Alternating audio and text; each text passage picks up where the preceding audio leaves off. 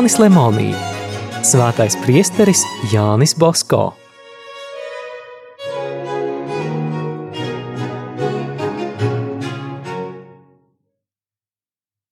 Ceturtās daļas piektā nodaļa – dzīve oratorijā un pirmie Jāņa Bosko mācekļi.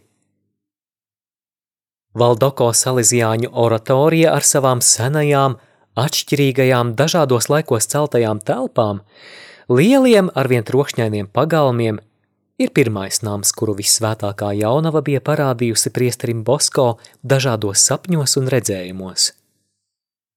Lielo iestādi kā toreiz, tā arī tagad uztur dieva providence un jaunavas Marijas gādība. Priesteris Bosko, tīra sirdsapziņa un trokšņainās rotaļas darīja laimīgus šī nama iedzīvotājus. Priesteris Bosko oratorijā bija kā liesmojošs ugunskurs, no kura uz visām pusēm izstaroja gaisma un patīkams siltums. Jaunās dvēseles, priestera Bosko mīlošās sirds vadītas, dzīvoja ar stipru ticību un cerību nokļūt debesīs. Katrs audzēknis kopā ar visiem lūdzās, mācījās, strādāja, rotaļājās, jutās kā ģimenes loceklis un kļuva citiem brālis. Visa oratorijas dzīve psalma vārdiem runājot bija līksma kalpošana dievam. Priesteris Basko bija šīs lielās ģimenes tēvs, skolotājs un vadītājs.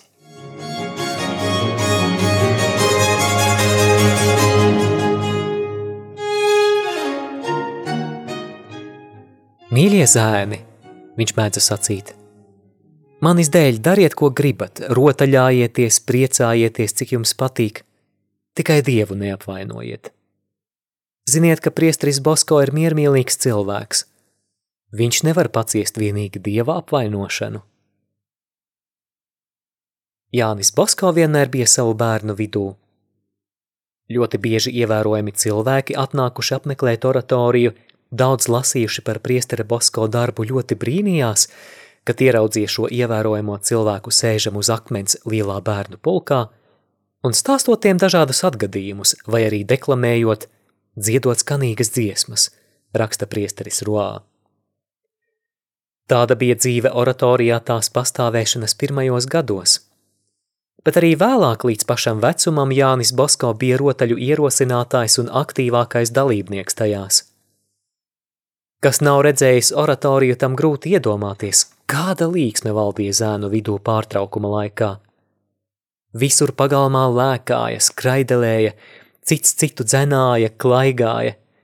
Šad un tad viņi pacēla galvu augstāk un paskatījās uz priestera Bosko istabiņas pusi. Bez viņa pagalms nebija pilns. Kad mīļais tēvs iznāca uz balkoniņa, no visām pusēm atskanēja saucienu vētra un pie kāpnēm sadrūzmējās zēni. Tūliņ atnāks priesteris Bosko. Tad rotaļas pārvērtās par īstām sacensībām. Nekad neviens nespēja Jāni Bosko noskriet. Pēdējo reizi viņš ar zēniem rotaļājās 1868. gadā. Tad viņa kājas jau bija slimas, un tomēr viņš vēl pārspēja visus 500 audzēkņus, kuru vidū bija arī veikli 17, 18 gadus veci puiši. Kad Jāni Basko ielenca zēnu bars, visi nevarēja dzirdēt viņa balsi. Tad priesteris uzdeva tiem kādu jautājumu. Radās sacensība, katrs kliedza savu. Atļāvis izklaigāties, Basko pats jautājumu izskaidroja.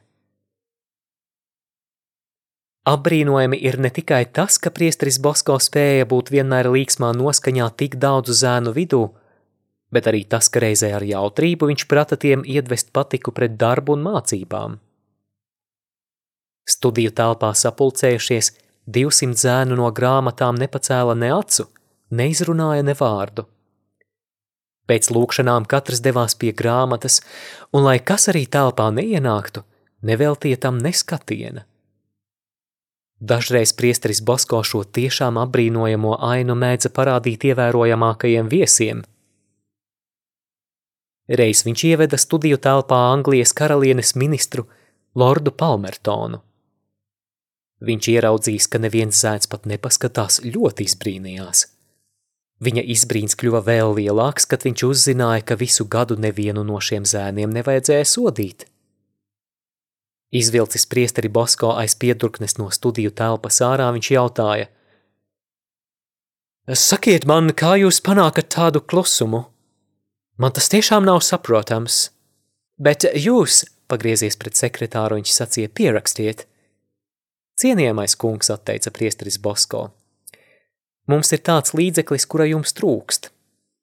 Jūs šo līdzekli nevarat izlietot. Kāpēc?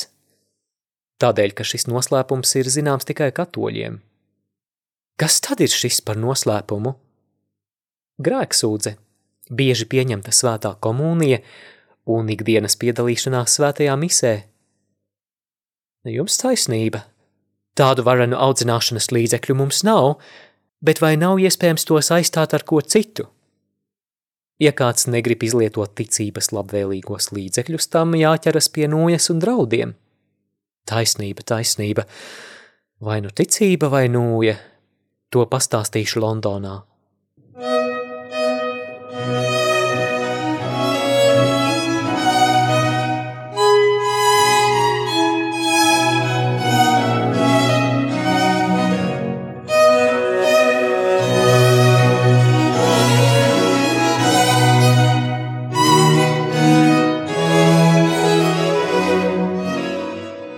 Ja no audzēkņiem tika prasīta centība, tad nemazāk centās arī skolotāji.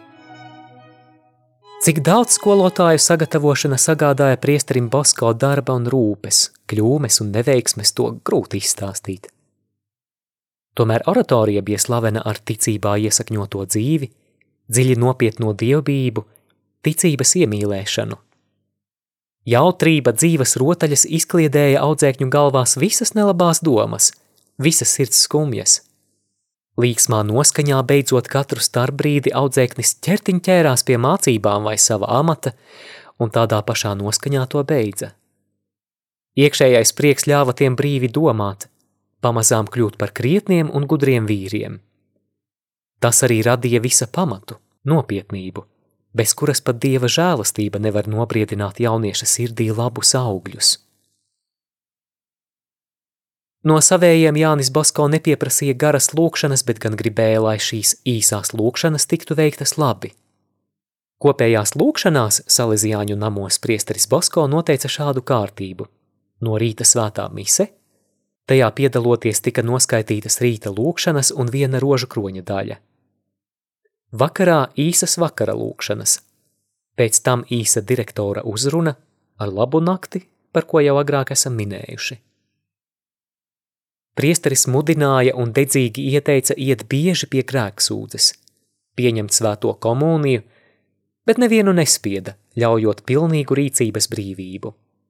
Pat vislielākajos svētkos Basko nesacīja, ka ir jāiet pie grēksūdzes. Attieksmē pret šo tik svarīgo dzīves nepieciešamību priestera Bosko saprāts atklājās visā tā pilnībā. Tā pati brīvība arī tagad valda visos salizjāņu namos. Priesteris Bosko pat aizliedza tradīciju audzēkņiem pieņemt svēto komuniju sakārtotās rindās. Viņš zināja, ka tāds ieradums ir ļoti kaitīgs, jo it kā piespiež pieņemt komuniju bez vajadzīgās sagatavošanās. Tādējādi pavairojās tikai svētdzadzības.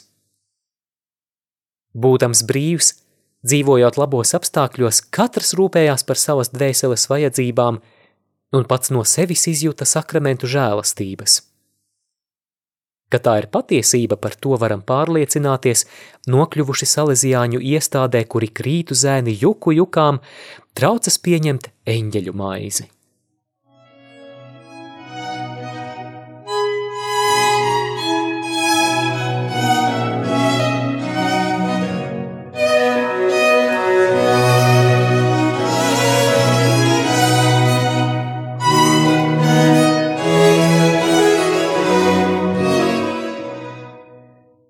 Tā priesteris Basko vadīja savu, nē, arī mūsu visu iemīļoto oratoriju. Maz vārdu, maz likumu, bet daudz mīlestības, daudz labu piemēru, dievbības.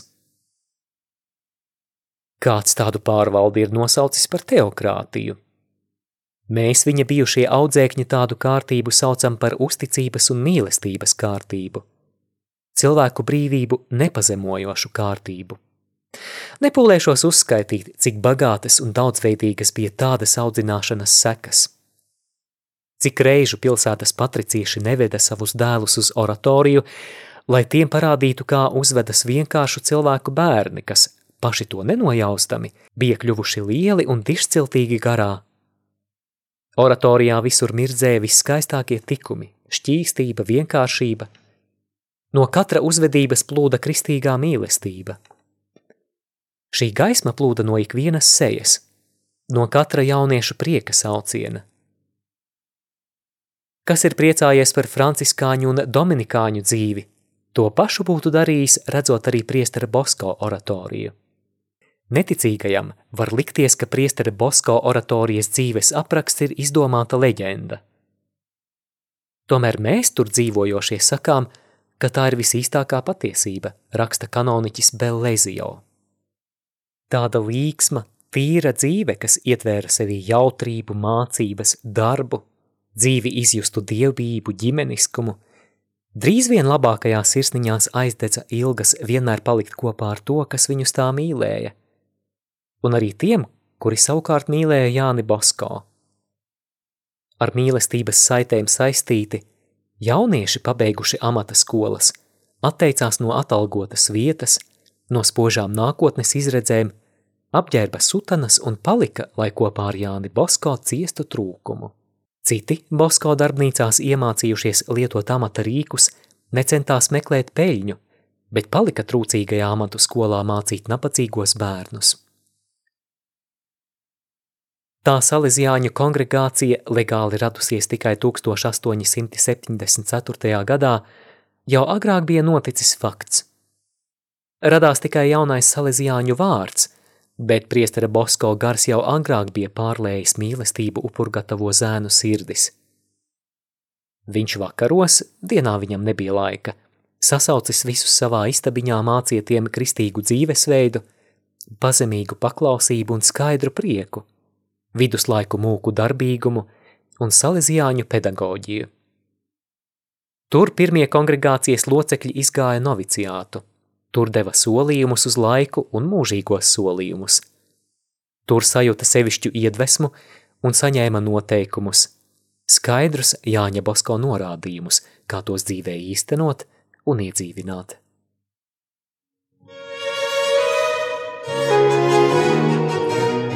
Izskanēja lasījums no Jāņa Lemonī grāmatas Svētais priesteris Jānis Bosko.